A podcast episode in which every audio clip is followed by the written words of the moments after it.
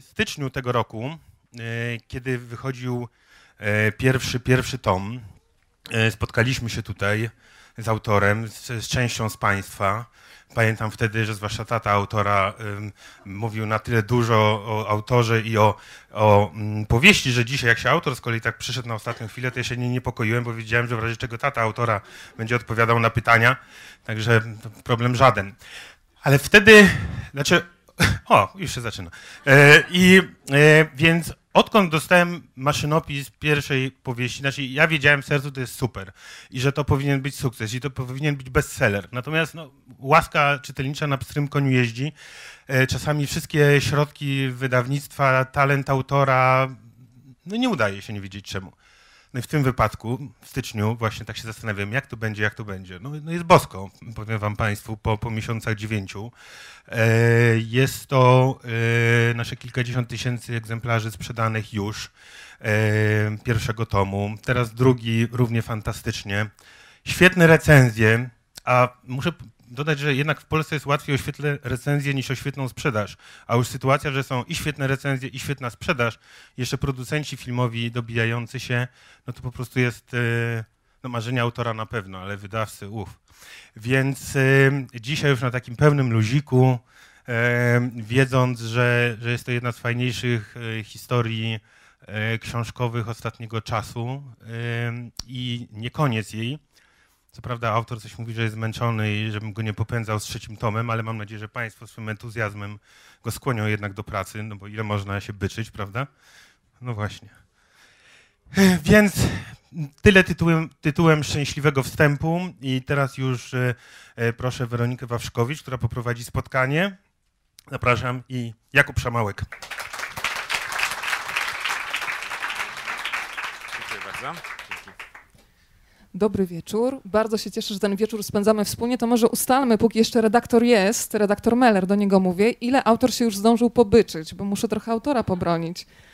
Kuba, ile się zdążyłeś pobyczyć po daniu książki i czy czujesz już tę presję, że czekamy wszyscy na trzecią część, bo ja też będę tym człowiekiem, który będzie trochę cię pod tą mhm. presję podbijał. No zależy jak zdefiniujemy byczenie, bo jeżeli zdefiniujemy byczenie jako mm, pracę w innym miejscu i zajmowanie się córką i prowadzenie jakiegokolwiek życia i prowadzenie badań i, i w ogóle kwerendy do trzeciego tomu, to jeżeli to jest byczenie, to się bycza trzech miesięcy.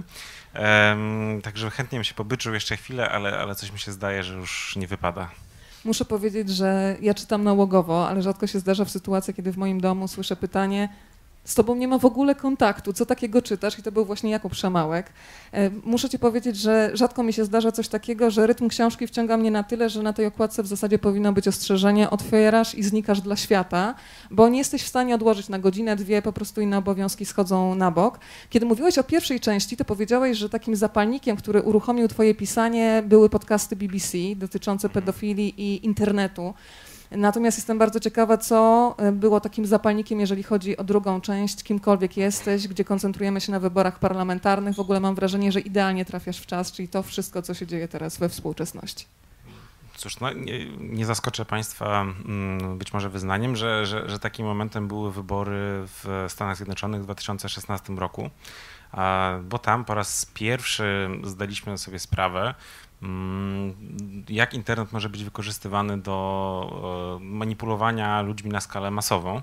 I oczywiście jakieś sygnały, że to jest możliwe, że to się dzieje, pojawiały się już wcześniej, jak teraz e, e, dziennikarze śledczy rozwikują te, te, te, te różne mm, afery pokłosie mm, sprawy Cambridge Analytica, no to okazuje się, że to się już działo oczywiście wcześniej, ale się jakoś nie przebiło do masowej świadomości. No i dla mnie zdecydowanie to był rok 2016 to też był taki moment trochę e, utraty niewinności, e, nie w żadnym nieprzyzwoitym sensie, tylko ja miałem to szczęście, że się urodziłem w takim pokoleniu, że wydawało się, że wszystko będzie fajnie. E, Unia się rozszerza, NATO się rozszerza, wszystkie wskaźniki gospodarcze idą w górę, no po prostu koniec historii i tylko, tylko usiąść i, i się cieszyć. No a potem 2016 rok y, z, z, Brexitem, z wyborem e, Trumpa, no już nie wspominając o tym, co się działo na, na rynku powiedzmy krajowym od jakiegoś czasu, no to wszystko kazało się, kazało mi się zastanowić, co się, co się stało, co się zmieniło. I oczywiście internet nie jest odpowiedzią na wszystko, ale jestem przekonany, że, że jest częścią składową odpowiedzi na to, co się, co się stało i czemu, czemu świat nagle się tak drastycznie zdestabilizował. Czy takie adnotacje, gdyby się pojawiła w książce, miałaby zastosowanie? Podobieństwo do ludzi i zdarzeń nie jest przypadkowe, bo tam jest co najmniej kilka postaci tak inspirowanych rzeczywistością, że oprócz tego, że to jest historia kryminalna, która wciąga, która momentami przeraża nawet bardzo, to jest też sporo poczucia humoru i zabawy z tym, co dzieje się dookoła nas. Na przykład pani Violetta Słaby, ale jest też bardzo słynna firma doradcza, które moglibyśmy poprzestawiać litery, więc y, jak ta zabawa wyglądała w Twoim wykonaniu? Czyli znaczy, jest to bicie mm, rzeczywistości w, w krzywym zwierciadle i jak, jak, każdy pisarz no, trochę podsłuchuje ludzi, którzy mm, prowadzą bardzo ciekawe rozmowy w komunikacji miejskiej. Ostatnio, ostatnio słuchałem w pociągu, e, jak, jak, jak jeden rozmówca e, grupie słuchaczy doradzał, jak założyć nielegalną hodowlę żółwi i było to naprawdę porywające i siedziałem tam nad książką, ale nie przerzuciłem ani jednej strony. Mam ochotę kontynuować ten temat, ale tak, wiesz, mamy mało też, czasu na książkę, możemy. więc żółwie na inną okazję zostawimy. A, tak, także y,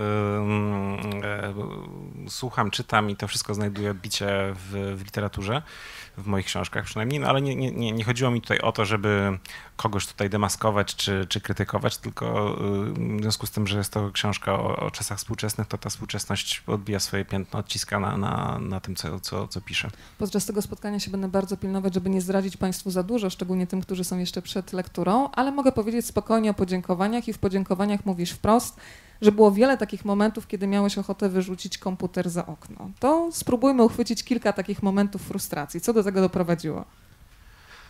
No, e, chyba to, że ja jestem swoim najostrzejszym krytykiem i oczywiście, mm, chociaż całe szczęście większość recenzji jest przychylna, niektóre są, zdarzają się te mniej przychylne, ale żadna nie jest tak ostra jak ta, którą ja sobie sam wystawiam. I zawsze jak jestem na etapie mm, tworzenia książki, kiedy, kiedy jeszcze jej e, szerokiemu gromu nie, nie, nie pokazuję, no to całe szczęście zawsze mam, mam e, moją cudowną żonę, która mnie trzyma e, tutaj przy zdrowiu psychicznym, ale mi się zawsze wydaje, że to jest tragiczne i że za chwilę dostanę list z Ministerstwa Kultury, że bardzo proszę już nie kaleczyć języka polskiego, zmienić zawód i, i przestać pisać. I, e, i, i, do momentu, kiedy tę książkę skończę, kiedy ją pokażę jakiejś szerszej grupie takich zaufanych e, czytelników, e, to, to jednak ten stres za mnie siedzi. No a tutaj ta, ta powieść była taka bardzo wielowątkowa, trudna do spięcia i, i, w kilku momentach wydawało mi się, że, że mi się zaraz ten tekst rozjedzie. No całe szczęście udało mi się to postrzywać tak, że mam nadzieję, że szwy są niewidoczne, no ale nie był to, nie był to łatwy proces.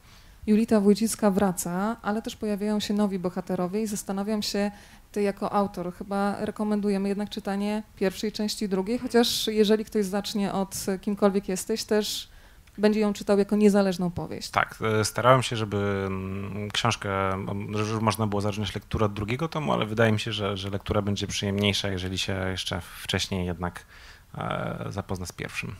Powiem ci, że ja się poczułam trochę jak dziecko we mgle, to znaczy zdałam sobie sprawę, że żyję w jakiejś iluzji bezpiecznego świata i tego, że on jest w miarę spokojnie poukładany, a ta sieć mi się zaczęła jawić dzięki twoim książkom jako kolejne kręgi piekła. Zastanawiam się, na ile ty znałeś internet, dark internet, te wszystkie manipulacje, farmy troli przed wejściem w tę opowieść, no bo wszyscy wiemy, że jesteś e, nie tylko pisarzem, ale też scenarzystą związanym z CD Projekt Red, e, że jesteś zanurzony trochę w tym wirtualnym świecie, ale jak mówisz w wielu wywiadach, nie aż tak, jak mogłoby się nam wydawać. Mm, tak, zgadza się. No, ja do, dosyć niedawna się tematem nowych technologii właściwie nie interesowałem, wręcz miałem mm, te, no, może nie alergię, ale taki mechanizm, że jak ktoś mi zaczął e, rzucać e, jakimiś technicznymi terminami, to, to się trochę wyłączałem, próbowałem zmienić temat. Mm, no ale faktycznie był taki moment, kiedy, kiedy nagle się zacząłem temu przyglądać. Mm, I też to chyba wynika z tego, że, że mm, dla mnie internet to już było coś naturalnego, to było coś, co się pojawiło w czasach, y, kiedy, kiedy byłem młodym, młodym chłopakiem, więc dla mnie to było naturalne, że ten internet jest, że go się używa codziennie. No i, i, i, przez to miałem takie fałszywe wrażenie, że to jest coś, co ja znam, a, a tymczasem się okazuje, że to, co no my jako użytkownik, który, który korzysta z internetu z doskoku i, i, no, w celach rozrywkowych czy, czy do pracy, no to nie zdajemy sobie sprawy tego, co się dzieje pod spodem. Nie zdajemy sobie też sprawy z tego, jak bardzo internet się zmienił na przestrzeni ostatnich lat, no i niekoniecznie na lepsze. I to, co jest ciekawe, to mm, to, że najpierw w tym pierwszym tomie się skupiałem na, na tak zwanym darknecie, czyli na, też na tym, jak, jak mm, co się dzieje, kiedy, kiedy możemy sobie zapewnić stuprocentową anonimowość w sieci i, i, i, jak sieć może być wykorzystywana w celach przestępczych. Natomiast w drugim tomie się zacząłem przyglądać temu, jak wygląda taka sieć, którą używa każdy z nas codziennie. Nie, nie, nie żadne właśnie jakieś szemrane zakątki, jakieś odpowiedniki spelune, gdzie, gdzie przyzwoici ludzie nie wchodzą, tylko ten codzienny, codzienny internet i chyba bardziej mnie przeraziła ta druga e, część, te drugie oblicze e, sieci. Mm, I oczywiście nie, nie, nie, nie zależy mi tutaj na tym, żeby Państwa namawiać do palenia smartfonów i do odcinania się od sieci i wyjazdu do Bieszczady, chociaż w celach turystycznych jak najbardziej, mm, ale, ale do takiej też refleksji nad tym, jak my tych technologii używamy i, i na co im pozwalamy, jaką one rolę pełnią w naszym życiu. To są książki, które otwierają moim zdaniem oczy, więc jestem bardzo ciekawa, kto otwierał Twoje oczy, czyli ci Twoi najważniejsi przewodnicy w świecie internetu i kampanii internetowych. Coś, co jest, jesteśmy z czymś bardzo na bieżąco, czyli farmy troli, e, fake newsy, te wszystkie informacje, które powodują, że wierzymy w coś, co nigdy się nie wydarzyło. Nawet mam takie wrażenie, że wierzymy w to, w co chcemy uwierzyć. Podajesz zatrważające dane, że Ponad 80% użytkowników mediów społecznościowych wierzy w to, co jest napisane w mediach społecznościowych i ponad 90% w ogóle nie weryfikuje tych informacji. Tak, faktycznie jest tak, że, że, że coraz więcej z nas czerpie wiadomości o świecie z mediów społecznościowych I, I, badania pokazują, że wystarczy nam tylko tytuł, żeby już uznać, że jesteśmy poinformowani. Tutaj dalsze, dalsze klikanie czy czytanie nie jest niezbędne. No i to jest e, martwiące z wielu względów. E, no przede wszystkim dlatego, że ten, e, ta możliwość e, wypychania informacji w dalszy świat, czy pseudoinformacji, e, no, do dzisiaj jest, jest to szalenie proste. I, I, w dobie prasy papierowej oczywiście dezinformacja była możliwa i była praktykowana, ale jednak była, była trudniejsza i, i, wymagała sporego nakładu środków w świecie fizycznym, no bo żeby na przykład jakąś fałszywą informację umieścić w, pres, w, w, w prasie, no to trzeba było albo, albo jakiegoś dziennikarza przekupić, no co jest e, niezgodne z prawem, co można wykryć, albo, albo nie wiem, trzeba było wydrukować ulotkę fizycznie, ją gdzieś porozrzucać. A, a dzisiaj stworzenie portalu, który wygląda bardzo podobnie do, do, do strony renomowanej gazety, e, no jest to, jest to, jest to banalne. E, zajmuje to, to parę godzin osobie, która wcale nie musi być wielkim, wielkim fachowcem. E, I co więcej, te, te różne artykuły, pseudoartykuły wrzucone na, na nasze media społecznościowe wyglądają bardzo podobnie do siebie, więc to, czy coś jest publikowane na stronie Guardiana, czy, albo czy jest coś publikowane na stronie, która jest jedną wielką fabryką klików, gdzie, gdzie teksty bezwartościowe albo zmyślone, albo, albo wręcz pisane przez boty są wrzucane hektolitrami. No, no, w naszym e, tak zwanym feedzie wygląda to identycznie I, i, i, e, bez zadania sobie tego trudu, żeby pomyśleć skąd ta informacja pochodzi, bardzo łatwo sobie mm, do swojego obiegu informacyjnego wpuścić mnóstwo szlamu. I oczywiście można to wykorzystywać do tego, żeby, żeby nam um, no, informacje albo, albo fałszywe, albo, albo też albo popychające nas stroną konkretnego punktu widzenia um, nam podsuwać. I to jest jeszcze wzmocnione przez to, że e, no, my żyjemy w tym internecie, który jest um, bardzo często darmowy, nie płacimy za to, co, co, co, co w tym internecie robimy, no a jakimś cudem te, te firmy są nie, niezwykle bogate, jak się spojrzy na, na 10 największych firm na, na, na świecie e, zeszłego roku, to jeżeli dobrze pamiętam, to 7 z nich to są firmy informacyjne, e, technologiczne.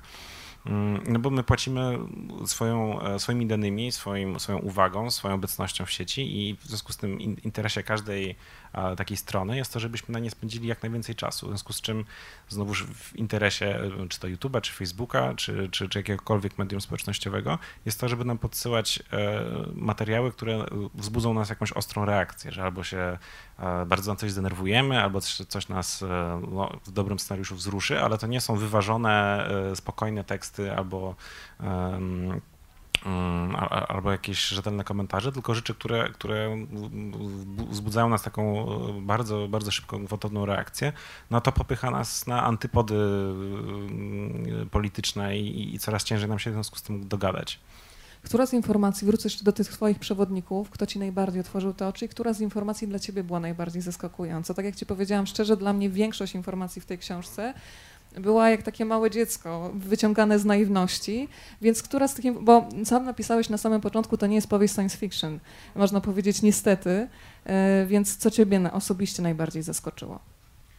No, no, miałem to szczęście, że miałem wielu fantastycznych e, przewodników po, po, po świecie technologii mm, i tutaj zwłaszcza miałem taką, e, mam, dwoje przyjaciół, którzy poświęcili sporo czasu i uwagi, żeby, żeby mnie e, wprowadzić w temat. Bartek Rynarzewski i Ewa Infeld i oni naprawdę byli nie, nieocenieni mm, jako przewodnicy w tym konkretnym aspekcie. Na, na, na, na pomoc w innych sprawach mogą liczyć u innych osób. Natomiast jeżeli chodzi o to, co mnie najbardziej zaszokowało ostatnimi czasy, um, no to chyba jest to, jak łatwo jest bardzo dużo na nasz temat, na nasz temat wyczytać z, właśnie z mediów społecznościowych, nawet jeżeli jesteśmy ostrożni, wydawałoby się, bo już od jakiegoś czasu no, jest taką powszechną wiedzą, że no, na Facebooku lepiej może nie piszmy, co też robiliśmy wczoraj na imprezie, bo nasz pracodawca może to przeczytać, może nie wrzucajmy zdjęć dzieci, no bo kto wie, kto je będzie oglądał, to jest jakby osobny temat, o którym możemy porozmawiać. E, kto je ogląda i po co. Mm, e, w związku z czym wiemy, że mamy być ostrożniejsi, ale okazuje się, że jakby jakakolwiek nasza aktywność w, no, w mediach społecznościowych czy, czy w sieci szerzej coś na nasz temat e, zdradza to o której porze piszemy, to jakich słów używamy, to jak długie przeciętnie są nasze posty, to jak często edytujemy, to y, ile razy klikamy jakieś guziki. Czyli nawet jeżeli treść tutaj y, jakoś moderujemy sami, świadomi tego, że jesteśmy obserwowani, to jakakolwiek nasza aktywność w sieci komuś coś na nasz temat mówi. I tutaj y, przykładem, który to świetnie ilustruje, jest to, że a w Chinach jest teraz taka e, aplikacja, która przyznaje e, kredyty. I jeżeli chce się wystąpić o kredyt, to się już nie idzie do banku, nie siada się e, przy okienku, nie rozmawia z osobą, która ocenia, czy te nasze wnioski są zasadne, czy niezasadne, tylko ściąga się aplikację, która właściwie natychmiast informuje, czy kredyt został przyznany, czy nie nie ma, żaden człowiek nie jest już na tym etapie zaangażowany. No i jak to się odbywa? E, nie wiemy dokładnie, bo, bo wiele właśnie takich algorytmów no, jest objętych e, prawami własności intelektualnej, ale wiemy, że ona e, bierze pod uwagę setki różnych czynników, na przykład to, jakie mamy aplikacje na telefonie zainstalowane, czy często pozwalamy na to, żeby ten telefon się rozładował, w jakich miejscach bywamy, bo każda z tych informacji coś na nasz temat zdradza i więcej niż my byśmy podejrzewali. W innych miejscach używa się takich technologii, też w przypadku przyznawania kredytów, że się nie patrzy w ogóle na to, co jest napisane w tym tekście, tylko czy, czyta się, sprawdza się, jakie słowa są używane.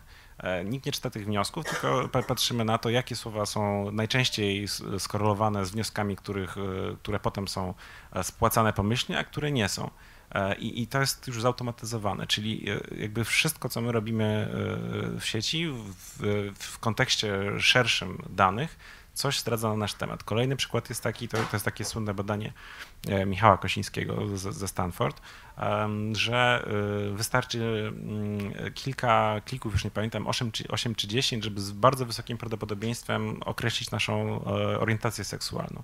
I nie dlatego, że ktoś klika strony cześć, jestem homo, czy hetero, czy biseksualny, tylko dlatego, że e, określone grupy demograficzne mają określone preferencje, jeżeli mówimy na jakimś poziomie dużego ogółu i w tym morzu danych te, te korelacje są widoczne nie dla człowieka, ale dla maszyn, które te dane cały czas mielą. A, i, i skala tego, jak wiele można na, nas, na nasz temat wyczytać mm, i jak wiele informacji na, na, na swój temat udostępniamy i, i, jak wiele będziemy udostępniać e, już niedługo, no to jest coś, co rzeczywiście mnie nie, niepokoi i, i, i o czym chciałbym, żeby, żebyśmy mówili szerzej. A w jaki sposób wchodziłeś w świat y, moderatorów, czyli tych, którzy zatwierdzają lub odrzucają to, co się pojawia w mediach społecznościowych? Pomyślałam sobie, że to jest jedna z najgorszych prac świata po tym, co przeczytałam. Powiedzmy, jak wygląda codzienność takiego człowieka, który ma do przeklikania kilka tysięcy postów i do zobaczenia rzeczy, których już się nie odzobaczy? Tak, więc tutaj nie miałem niestety kontaktu z osobą, która takie doświadczenia miała, bo też moderatorzy, którzy pracują w mediach społecznościowych, muszą podpisywać takie zobowiązania, że, że, że, że absolutnie nie będą zdradzali szczegółów swojej pracy i jest to obłożone różnymi karami finansowymi. No ale całe szczęście w kilku portalom czy, czy, czy czasopismom udało się dotrzeć do ludzi, którzy byli skłonni podzielić się swoimi doświadczeniami. Był taki duży reportaż w takim magazynie technologicznym The Verge. Parę lat temu też Fundacja Panoptykon pomogła przy, przy produkcji, promowała taki film dokumentalny, który to kto opisywał. Ale przechodząc do rzeczy, no my jesteśmy przyzwyczajeni do tego, że jak wchodzimy na te swoje Facebooki czy Twittery, no to widzimy E, co kto zjadł i jakiego, jakie ma koty, albo w ogóle co robi na wakacjach. Um, Natomiast to nie jest to, co ludzie wrzucają na, na Facebooka, bo często wrzucają treści znacznie bardziej drastyczne. Tylko, że no, jest sporo ludzi, którzy pracują nad tym, żebyśmy tego nie zobaczyli. Pierwsza warstwa, czy pierwsza um, obrona przed tym są algorytmy, które automatycznie rozpoznają, czy na przykład zdjęcie zawiera treści drastyczne, czy nie, i jeżeli tak, to je odrzuca. Więc jeżeli chodzi o treści graficzne, to, to one są właśnie e, często szybko mm, odrzucane, chociaż nie zawsze się to udaje. Tutaj takim przykładem była no, tam e, słynna i straszna masakra w Nowej Zelandii, która była transmitowana na żywo. I, i, I, bardzo długo Facebookowi zajęło przerwanie tej transmisji, a potem materiały z tej transmisji były wrzucane do, do sieci wiele razy. Także ten, ten proces też nie jest doskonały. Natomiast do oceny tekstu, do sprawdzenia, czy te, w tym tekście się znajduje mowa nienawiści, czy nie, no to już e, to robią moderatorzy ludzie, którzy, którzy siedzą sobie w biurze i e, jakby ich zadaniem jest przeklikiwanie e, setek czy tysięcy postów, które zostały zgłoszone do moderacji. No, no często treści drastycznej. Albo są to słowa drastyczne, albo nagrania. I proszę sobie wyobrazić najgorszą rzecz, jaką Państwo sobie mogą wyobrazić i pomnożyć to razy 100 czy 1000 i wyobrazić sobie, że robicie to Państwo każdego dnia. No to jest bardzo ciężka, okropna praca, która nie jest zbyt dobrze płatna e, i która naprawdę ludzi e, niszczy. I to, to, to jest już, już szeroko opisane, że, że jeżeli oglądasz takie treści w ogromnym natłoczeniu e, codziennie i to bez opieki psychologicznej, E, adekwatnej, no to, to, to odciska bardzo głębokie piętno na psychice i to jest też coś, co chciałem e, opisać, zwłaszcza, że no, te, te media społecznościowe coraz bardziej stają się a, taką platformą wymiany myśli, taką współczesną agorą. Um, I y, to, co jest akceptowalne, co można powiedzieć, a czego nie można powiedzieć, y, coraz częściej jest określane nie przez nasze prawo czy nasze obyczaje, tylko przez firmę, która y, no, ma swoją siedzibę na drugim końcu świata i, i która zleca e, tę, moderację e, jakimś ludziom, którzy mogą polskiego kontekstu nie znać albo, albo się nim nie interesować, bo muszą przeklikiwać właśnie na tempo e, set, setki wpisów. Kuba, możemy podać takie przykłady hipokryzji, bo tam jeden z twoich bohaterów dostaje instrukcję, nie używaj emocji, myśl jak algorytm.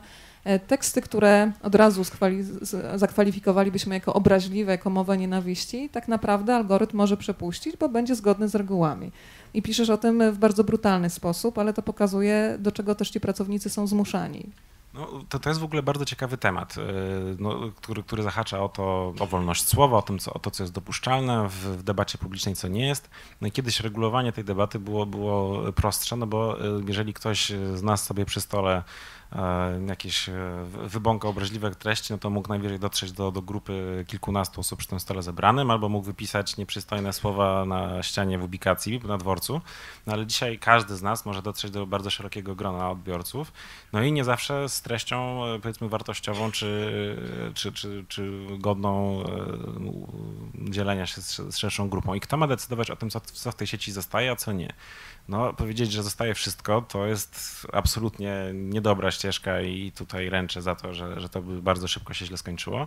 No ale z drugiej strony, jeżeli cenzurujemy w jakiś sposób, jeżeli moderujemy w jakiś sposób te, te treści, no to na jakiej zasadzie i przez kogo? E, I dzisiaj się to odbywa tak, że właśnie e, w związku z tym, że, że w Polsce Facebook jest szalenie popularny, bardziej niż w innych krajach, no to Facebook e, ma bardzo duży wpływ na to, co, co na tym Facebooku umieszczać możemy czy nie możemy. Na przykład ostatnio Facebook bardzo zaostrzył swoje regulacje dotyczące wypowiedzi e, o podtekście seksualnym, ale nie mówimy tutaj o pornografii, tylko na przykład o rozmowie o seksie takiej biologicznej. I nagle tutaj zaczęły znikać wpisy, bo się okazało, że łamią regulamin. Nie było to z nikim przedyskutowane, nie było to poddane żadnemu głosowaniu, po prostu pstryk, zmieniło się i koniec. E, wcześniej był problem z tym, że na przykład e, Facebook bardzo, bardzo skrupulatnie rugował wszelkie sytuacje, w których pojawiały się kobiece sutki, e, w tym zdjęcia kobiet karmiących piersią. Czyli nagle, jeżeli ktoś takie zdjęcie wrzucił do sieci, no to ono natychmiast znikało. Czy powinno, czy nie powinno? No, nikt nas nie spytał o zdanie. I, i to, nie, no, dla mnie to nie jest bezpieczne, że o, o, tym, co jest akceptowalne czy nieakceptowalne w tym dyskursie, decyduje ktoś, kto nie, nie odpowiada przed nami w żaden, w żaden sposób. To teraz, Kuba, na chwilę wyjdźmy ze świata moderatorów, a wejdźmy do świata artystów koncepcyjnych, bo w pewnym momencie jeden z twoich bohaterów, czyli Leon, zaczyna być człowiekiem, który pracuje w firmie chyba bardzo ci bliskiej. E, pamiętam, że w pierwszej części dziękowałeś e, CD Projekt Red za to, że pozwolili ci jednocześnie pracować i pisać książkę. Zastanawiam się, jak zareagują na część drugą, kiedy pokazujesz, że praca artysty koncepcyjnego w firmie, która zajmuje się grami komputerowymi, polega na tym, że często ta druga strona, ta dziewczyna, która siedzi i czeka w domu, cały czas musi słyszeć, dzisiaj nie mogę, jeszcze deadline, czyli 12 godzin, 10 godzin pracy i weekendy, tak jest? E, znaczy, e, faktycznie no, w momencie, kiedy opisuję pracę w studiu robiącym gry, no to nie ukrywajmy, jest to jakoś odzorowane, jest to mm, oparte w pewnym stopniu też o moje doświadczenia, natomiast nie, nie, chodziło mi o to, żeby ta firma, w której e, pracuje Leon, była właśnie jakimś CD projektem w krzywym zwierciadle, tylko żeby opowiadała w ogóle o, o, o, tym, co, co w branży gier komputerowych się dzieje, no a, a branża gier komputerowych od dłuższego czasu się zmaga z takim problemem, że um, no, robienie gier wymaga bardzo dużego nakładu środku i czasu i często no, więcej niż, niż yy, niż jesteśmy gotowi z siebie dać. I, i, i ten temat się, się pojawia, bo, bo, też jest to coś, co w takiej debacie na temat środowiska twórców gier komputerowych się bardzo często przewija. Myślę, że w Twojej opowieści też się odnajdą wszyscy freelancerzy. Jest taki cudowny akapit, kiedy Julita nie pomna przestrogi, że nie można siedzieć w piżamie, bo potem ta piżama człowieka wciąga, tylko musi być konkretny rytm tej opowieści. To teraz bardzo bym chciała, żebyś tak wizualnie nam otworzył swoją bibliotekę domową. Czy to, co czyta Janek, y, czyli człowiek, który pomaga Julicie w jej śledztwie, to jest mniej więcej odzwierciedlenie tych książek, przez które musiałeś się przekopać, żeby ta powieść była tak mocna i tak wciągająca. E, tak, to jest w ogóle e, trochę, trochę mój problem, bo mm, ja od czterech lat nie czytam właściwie niczego poza książkami o nowych technologiach i o sieci, i o algorytmach, i o sztucznych inteligencjach. I to jest szalenie ciekawe, ale czasami chciałbym sobie usiąść i przeczytać, nie wiem, Bridget Jones 7, e, żeby od tego odpocząć. I czasami no, pozwalam sobie na takie małe dyspensy i czytam coś innego, ale, ale rzeczywiście związku z tym, że mam spore zaległości do nadrobienia, nie, tak jak mówiłem, ja jestem z wykształcenia archeologiem i to archeologiem teoretycznym, więc y, świat nowych technologii to nie był mój y, naturalny habitat. Ale przekopywałeś Ale się, nawiązując do archeologii. się i przekopuję dalej i te tytuły, które Janek wspomina, to faktycznie są też rzeczy, które są u mnie na, na, na, na półce. Powiem Ci szczerze, chociaż może to źle o mnie świadczy, że nie miałam też pojęcia o tym, że jest Światowy Zjazd Hakerów. Powiedzmy trochę o tej konferencji, bo przyznam szczerze, że opisałeś ją w tak pasjonujący sposób, że bardzo chętnie bym się w jednej z wiosek wirtualnych znalazła. I słusznie, bo to jest bardzo, bardzo ciekawy świat. Faktycznie e, bohaterowie powieści odwiedzają, czy, czy biorą udział w konferencji DEFCON, która, która się odbywa od ponad 20 lat e, corocznie w Las Vegas. I to dla mnie też jest takie ciekawe zjawisko, e, e, też takie nieoczywiste, bo zjeżdżają się tam e, faktycznie hakerzy z całego świata, żeby pokazać, co oni schakowali i jak to zrobić. No i jest to zastanawiające, no bo można było powiedzieć, że oni pokazują, jak złamać prawo i jak wykorzystać jakieś luki w bezpieczeństwie. Natomiast oficjalna wersja oczywiście jest taka, że nie, nie, nie, my to robimy tylko po to, żeby żeby wskazać na luki w bezpieczeństwie, które następnie e, producent tego powiedzmy programu czy, czy sprzętu powinien zabezpieczyć bo słusznie twierdzą, że jeżeli nie nagłośnie się takich spraw, takich luk w bezpieczeństwie, to i tak ktoś je odkryje, tylko że będzie korzystał z tych luk e, pokątnie i wyciąga od nas informacje. Zresztą to się cały czas dzieje.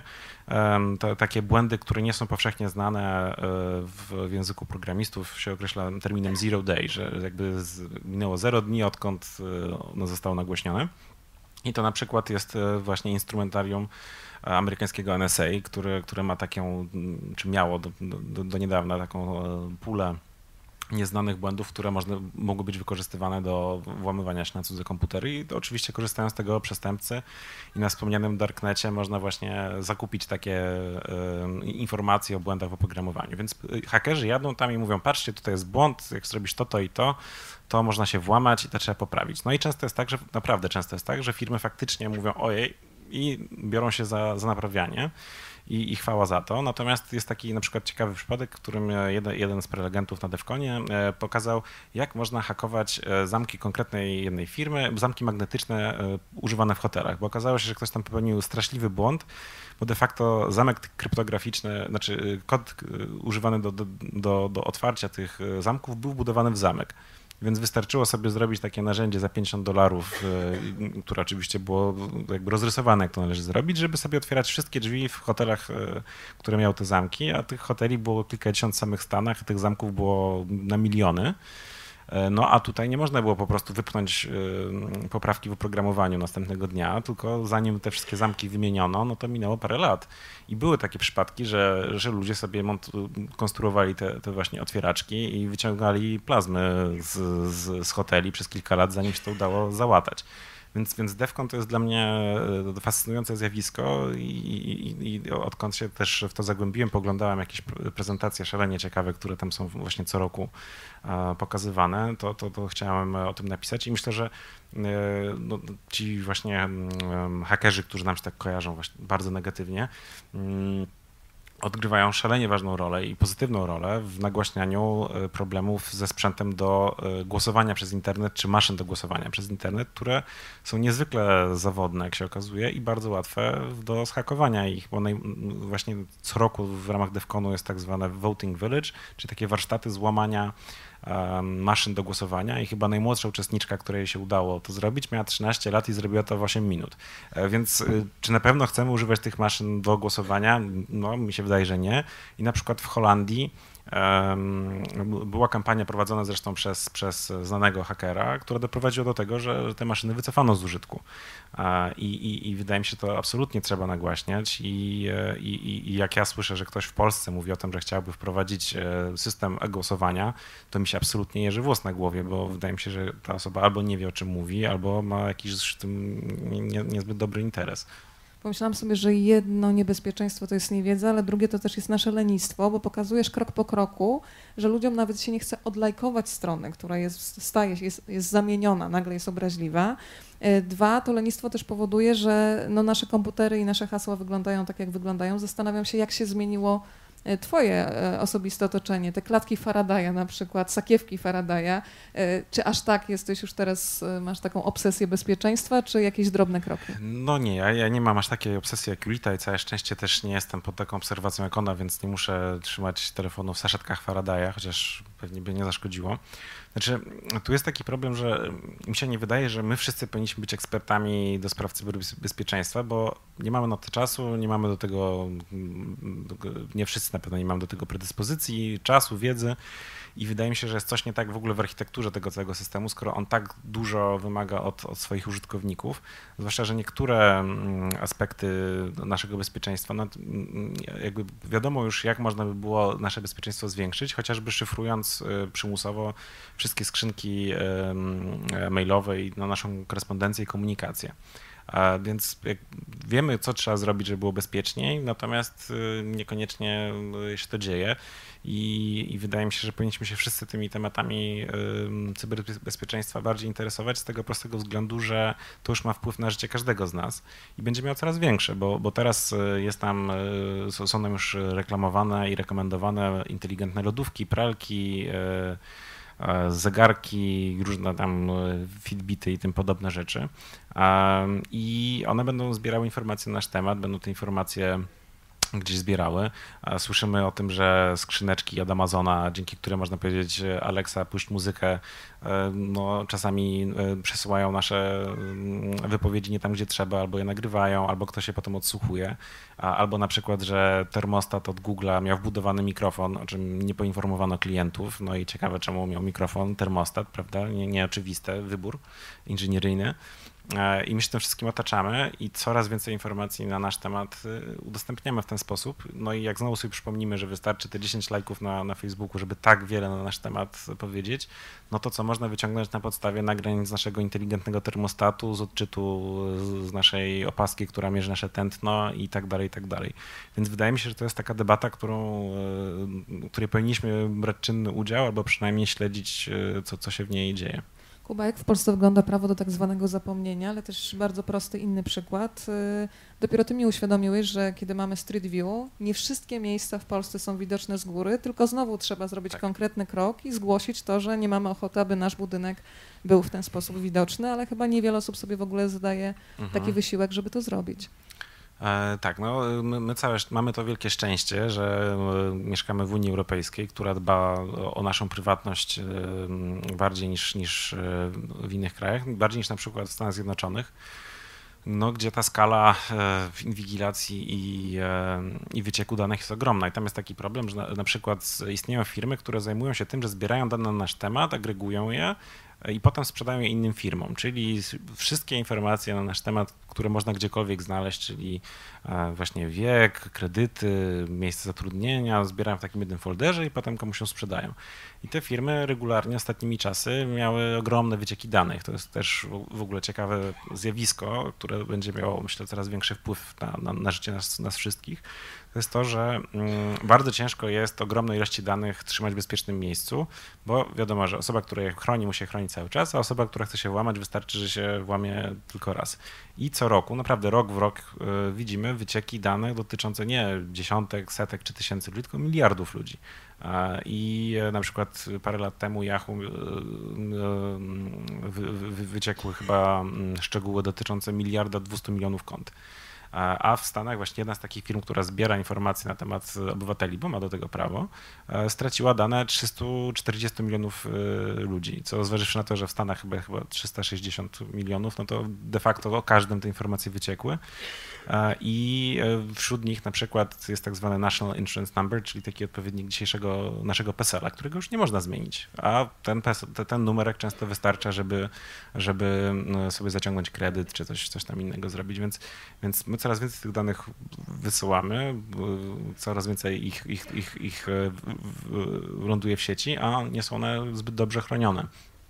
A tak zwany efekt sobowtóra, bo też się okazuje, że można wyciągnąć dane kilkunastu tysięcy osób, co może, kiedy mówimy o milionach wyborców, nie jest jeszcze przerażające, ale okazuje się, że ta korelacja bardzo szybko można, to co mamy 13 tysięcy, e, bardzo szybko może się przemienić w naszą wiedzę na temat już milionów osób. Jak to działa?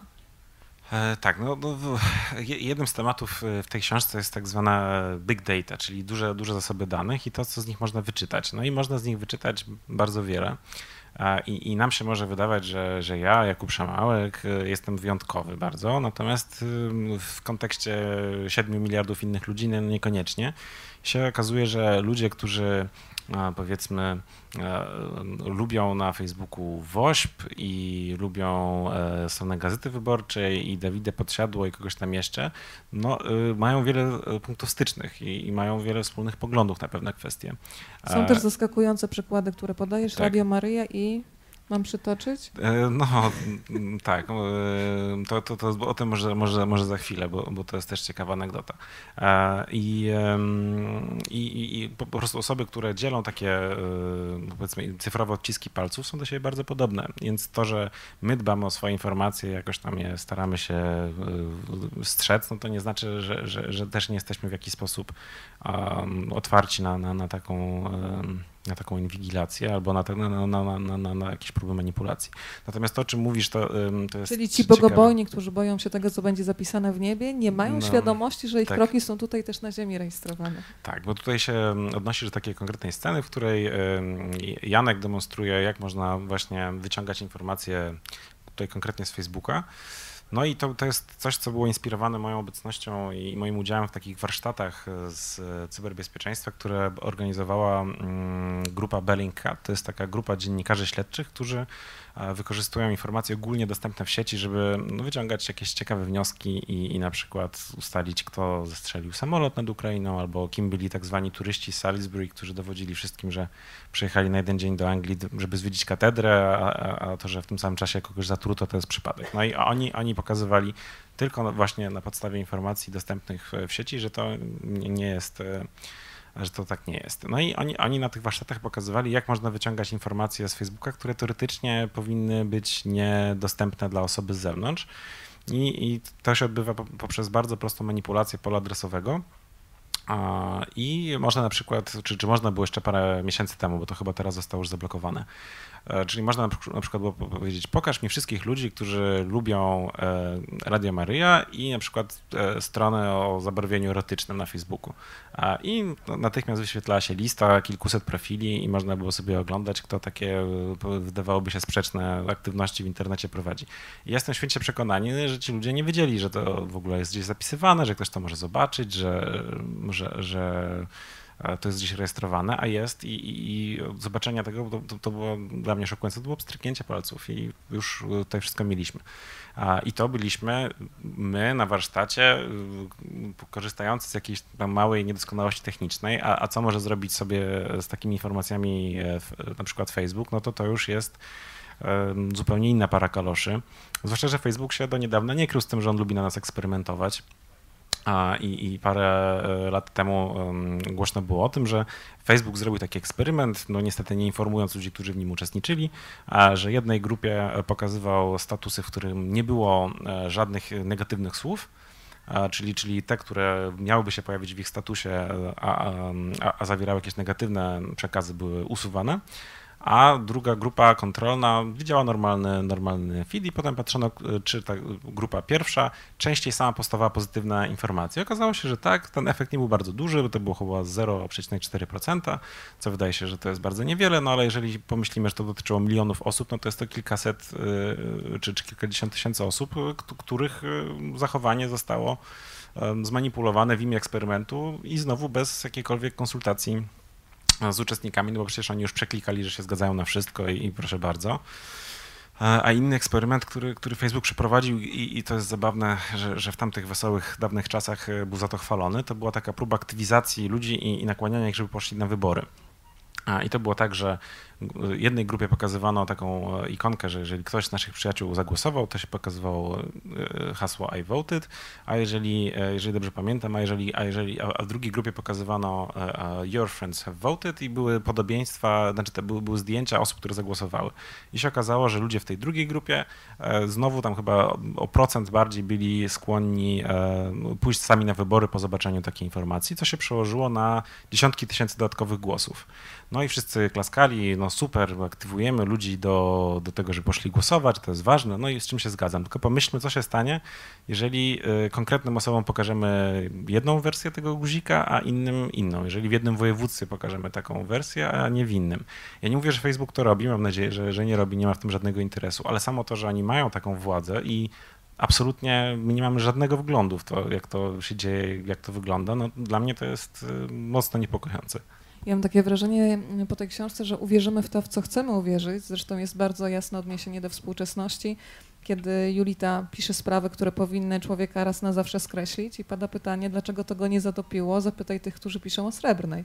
E, więc bardzo jasne odniesienie do współczesności, ale też się zastanawiam, czy wchodząc w to środowisko, nie miałeś ochoty w pewnym momencie wejść w takie dziennikarstwo śledcze, które niestety w tym kraju też umiera, ponieważ nie ma pieniędzy, wszystko ma być szybko, nie ma czasu na zgłębienie.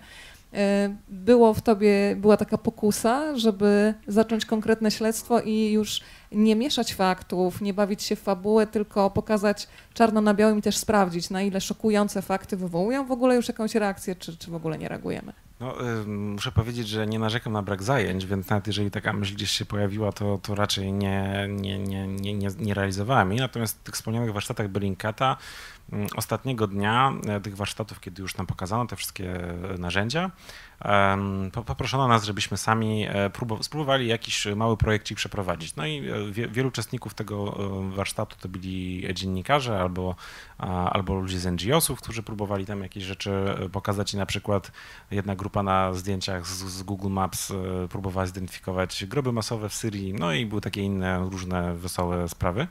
A, a w związku z tym, że ja się już zajmowałem tym tematem tym tematem polityki, to stwierdziłem, że sobie używam tych narzędzi, które, które, które poznałem do, do, do, do, do no, wyciągania tych informacji dostępnych na mediach społecznościowych, żeby na przykład zobaczyć, jak duże są grupy ludzi, którzy jednocześnie e, lajkują e, bardzo odległe od siebie, bardzo różne strony, bo się nagle, bo, bo zaintrygowało mnie to, że wpadłem na jeden profil e, człowieka, który jako zdjęcie miał ustawione zdjęcie aktora, czyli, a wątpię, żeby to był jego profil, bo, bo był prowadzony w języku polskim, a aktor był Amerykaninem.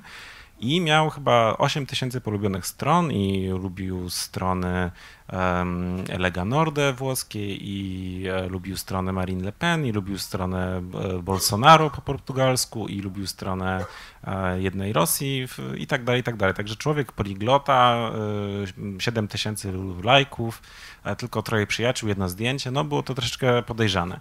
No i próbowałem właśnie zobaczyć, ile jest, e, jak, jak wiele jest takich profili, które na przykład jednocześnie lubią profil e, Bolsonaro w języku portugalskim i profil e, Marine Le Pen w języku francuskim i na przykład jakiejś ekstrem, takiej powiedzmy ekstremistycznej partii w Polsce. No i sporo było tych profili. Nie, nie, ciężko jest mi oszacować skalę tego, tego zjawiska, ale nawet ja z moimi no, bardzo nikłymi umiejętnościami byłem w stanie to, to zobaczyć. No a drugą rzecz, którą zrobiłem, to, to zadałem sobie takie pytanie, czy byłbym w stanie znaleźć prawdziwy profil e, pewnego polityka, a którym się interesowałem. Nie będę wspominał kto to, bo to nie jest istotne. E, no bo wiadomo, że politycy mają swoje oficjalne profile, gdzie występują pod krawatem i mają swoje nieoficjalne profile czasami, gdzie występują bez krawata. E, no i w tym konkretnym przypadku zajęło mi to dwie godziny. Znalazłem go, było prowadzone pod innym minim nazwiskiem, było, było tam e, zakłódkowane, więc teoretycznie nic nie można było zobaczyć, ale znowu pstryk, pstryk, pstryk i na przykład jakieś tam oglądałem jego zdjęcia E, z imprez z liceum, które podejrzewam, że no nie chciałby wypuszczać na szersze wody. Nic kompromitującego, ale, ale na pewno nie były to, to, to zdjęcia, które by chciał, żeby gdzieś tam funkcjonowały w domenie publicznej. E, także no, ogólnie wniosek z tego jest taki, że mm, jakby ktoś chciał robić śledztwa internetowe i, i, chciałby tych narzędzi poużywać, to na pewno można bardzo dużo ciekawych rzeczy odkryć. E, niedawno czytałem taką książkę, um, którą właśnie podsunęła mi wspomniana małżonka, na temat y, mm, takiego pisarza amerykańskiego, który, mm, który bardzo długo opisywał e, sprawy nierozwiązanych morderstw i robił to przez e, kilkanaście lat. W końcu się wkurzy i powiedział, dobra, ja coś zrobię, żeby żeby pomóc w rozwiązaniu tych spraw. No ja pomyślałem sobie, kurczę, jakie to jest ciekawe, bardzo ma duży związek z tym, co ja robię, to przeczytam tę książkę, może zapoznam się z jakimiś nowymi metodami.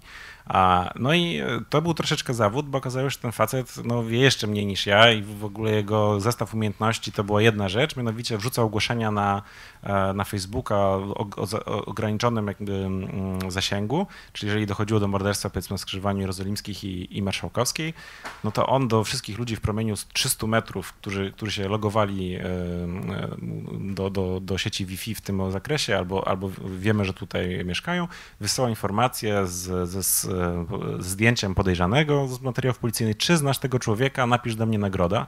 I to jest jedyna rzecz, której on używał, więc ja tutaj czekałem, a to zobaczę, jak on tutaj hakuje i w ogóle. To było jedyne, czego on używał, a i tak udało mu się dzięki temu pomóc w rozwiązaniu chyba pięciu czy sześciu spraw.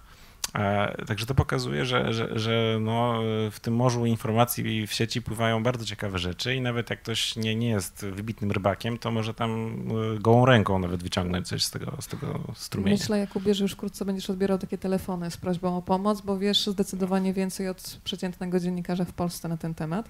E, zapytam teraz o małżonkę, bo którą już dzisiaj tutaj wspomniałeś dwukrotnie. Bardzo Ci jestem wdzięczna i myślę, że w imieniu wielu kobiet to mówię, w końcu za pełnokrwistą kobiecą bohaterkę. E, dziewczynę, która przechodzi metamorfozę, zresztą druga bohaterka Aneta, którą Państwo też będą śledzić, mam wrażenie, że to są kobiety, które przechodzą na dobrą stronę mocy, e, więc zastanawiam się, ile było też takich konsultacji, bo no siłą rzeczy o kobiecy punkt widzenia musisz e, pytać małżonkę, więc ile tu tak naprawdę, zapytam wprost, mhm. Julita to jest twór twój, czy tak naprawdę stworzony przez twoją małżonkę? Znaczy, no, jednak jest to twór mój, ale ze znaczącym wkładem e, małżonki, bo, bo często ją pytam o zdanie i, i czasami faktycznie jest, jest tak, że się okazuje, że moje, moje rozumienie punktu widzenia kobiety jest niedoskonałe i, i, wymaga korekty, więc e, całe szczęście mogę liczyć na to już w pierwszym czytaniu. A zdradzisz, kiedy byłeś najczęściej poprawiany? Kiedy znaczy, ta logika jedna, kobieca była dla ciebie najbardziej była taka niezrozumiała? Sytuacja um, z pierwszego tomu, I, I, to było, było bardzo ciekawe, bo jest tam taka scena, w której e, Julita odwiedza swojego mentora, profesora i, i właśnie myśli, że że on jej tutaj pomoże, a się okazuje, że, że no już nie wchodząc zbyt dużo szczegółów, że pan profesor ma inny tutaj interes, który próbuje e, Julicie no, wepchnąć. E, I w, dosłownie i w przenośni. I w pierwszej, w pierwszej wersji tego, tego fragmentu Julita po prostu wstawała z kanapy, trzaskała go w twarz i wychodziła trzaskając drzwiami. No i pokazałem to, to mojej żonie, zadowolony z siebie, a ona powiedziała, słuchaj, wiesz, to tak nie wygląda, niestety, to fajnie by było, gdyby tak to wyglądało, ale to tak nie wygląda i niestety to, co by się stało, to ona by siedziała zmrożona jak słup i by się zastanawiała, jak mu powiedzieć, żeby się odczepił, tak, żeby go nie urazić. I że ona miała takie myśli potem jakby wyszła z tego budynku, że, że powinna go była trzasnąć w twarz, ale nie w tej sytuacji. E, no i podesłałem mi kilka artykułów y, i audycji, które właśnie to obrazowały i no jedna taka bardzo wstrząsająca, właściwie dwugodzinna audycja o, o, o właśnie ruchu mitu e, w środowisku teatralnym w Stanach, gdzie właśnie taki pan profesor no, przez lata kiedy powinien był dostać po tej gębie, to, to tylko słyszał nie, nie, nie, może, już, już późno muszę iść. No i to był taki moment też dla mnie ważny jestem wdzięczny za to, że, że, że, że ta korekta tutaj nastąpiła, bo, bo myślę, że no, że to jest przywilej, że, że mogłem sobie to inaczej wyobrazić i, i trzeba mieć świadomość e, tego problemu.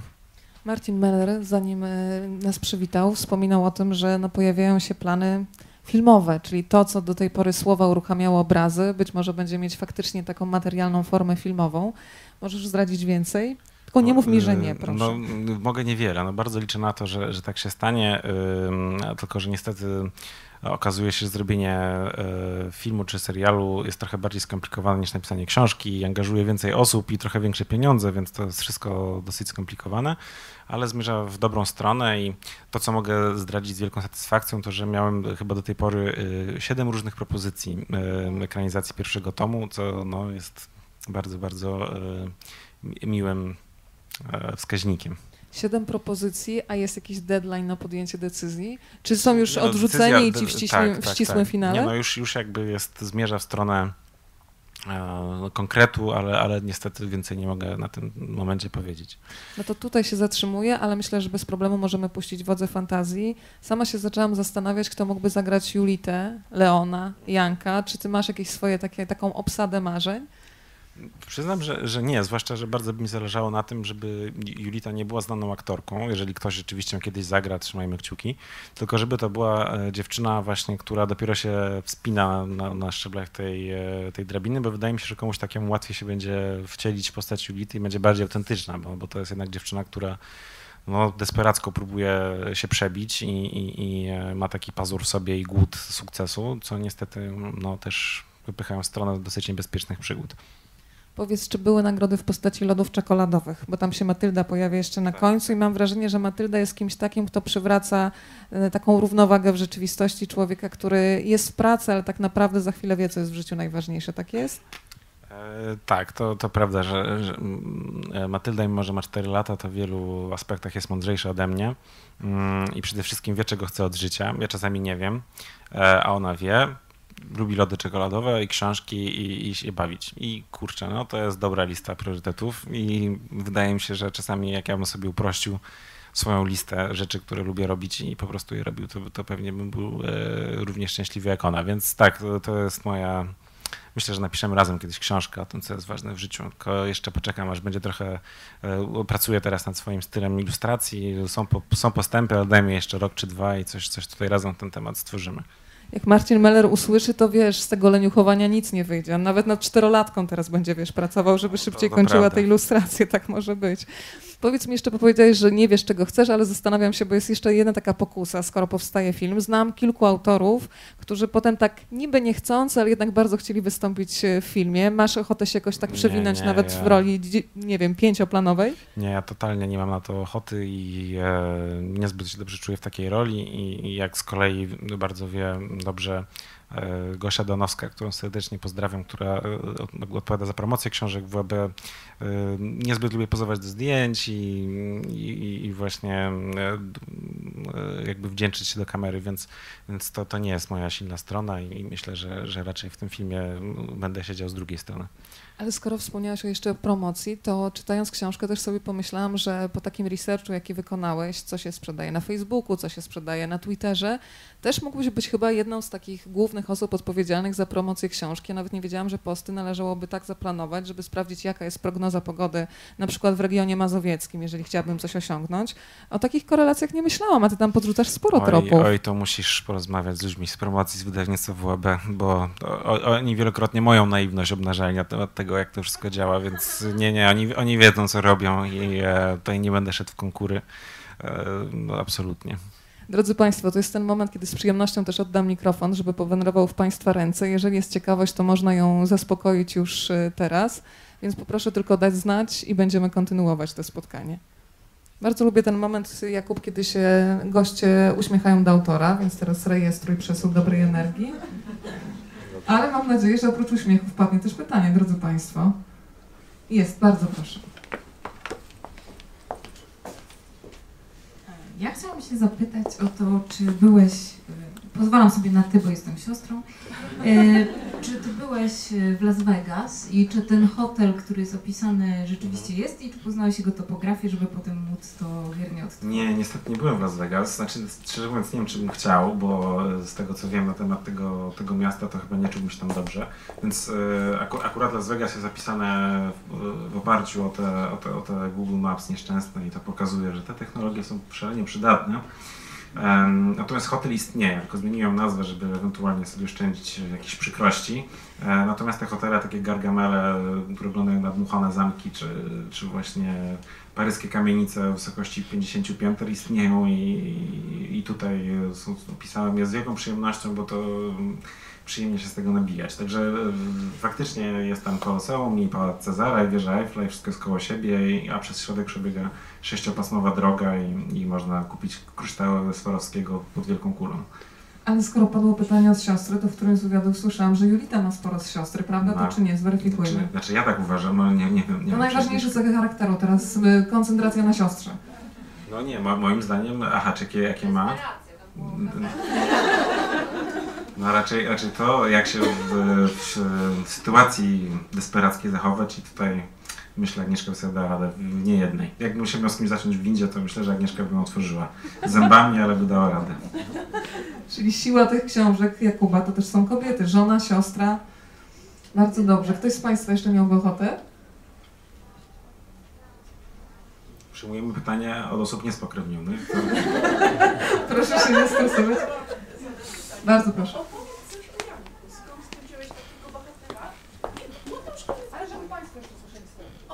Opowiedz coś o Janku, bo to jest bardzo ciekawy bohater i mam nadzieję, że wszyscy, którzy tu już są, e, którzy tu są, to czytali pierwszą część. I opowiedz, skąd chodzi? I dlaczego? E, tak, no więc dla tych z Państwa, którzy jeszcze nie, nie, nie czytali pierwszego tomu, to proszę zatkać uszy, bo będzie mały, mały spoiler. Także odliczam do trzech i mówię raz, dwa, trzy.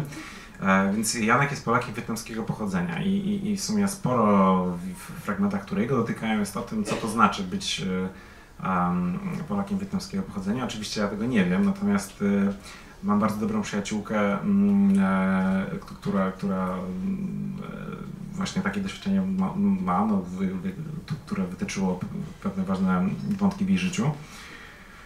I, I, dla mnie to było niezwykle ciekawe i, i, i napawające takim, no nie wiem, może, może melancholią, to, że ona e, startowała w olimpiadach języka polskiego i zajmowała w nich wysokie miejsca i, i pisała piękne wiersze i w ogóle jest doskonałe wyczucie języka polskiego.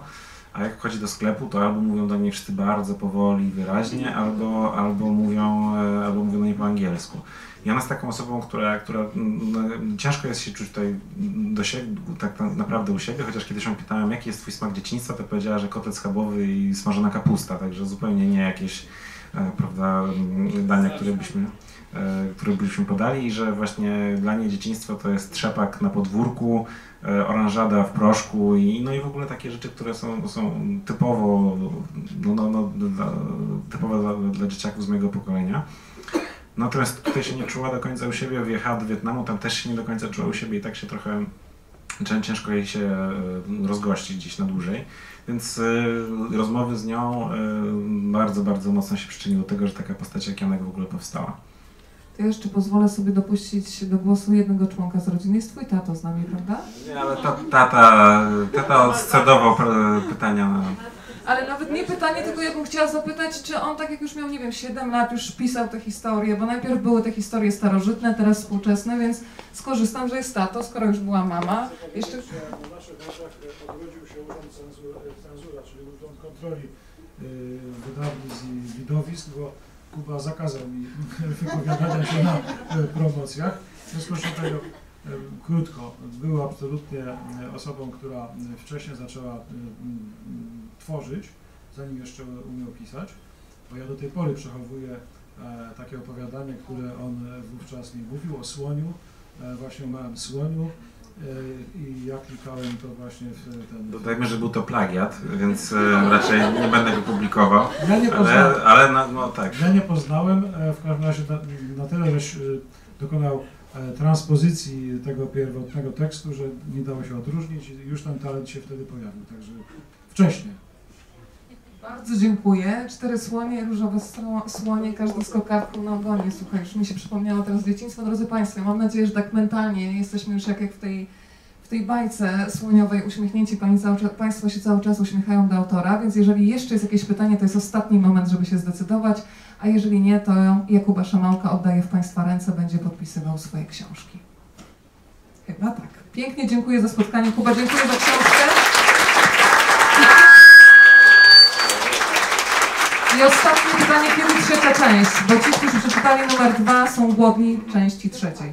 No, no jeszcze troszeczkę. A troszeczkę to jest ile? No więcej niż, niż krótko. Sprawdzian dla cierpliwości, drodzy Państwo, ale to, co wyczekane, dużo bardziej smakuje, więc czekamy.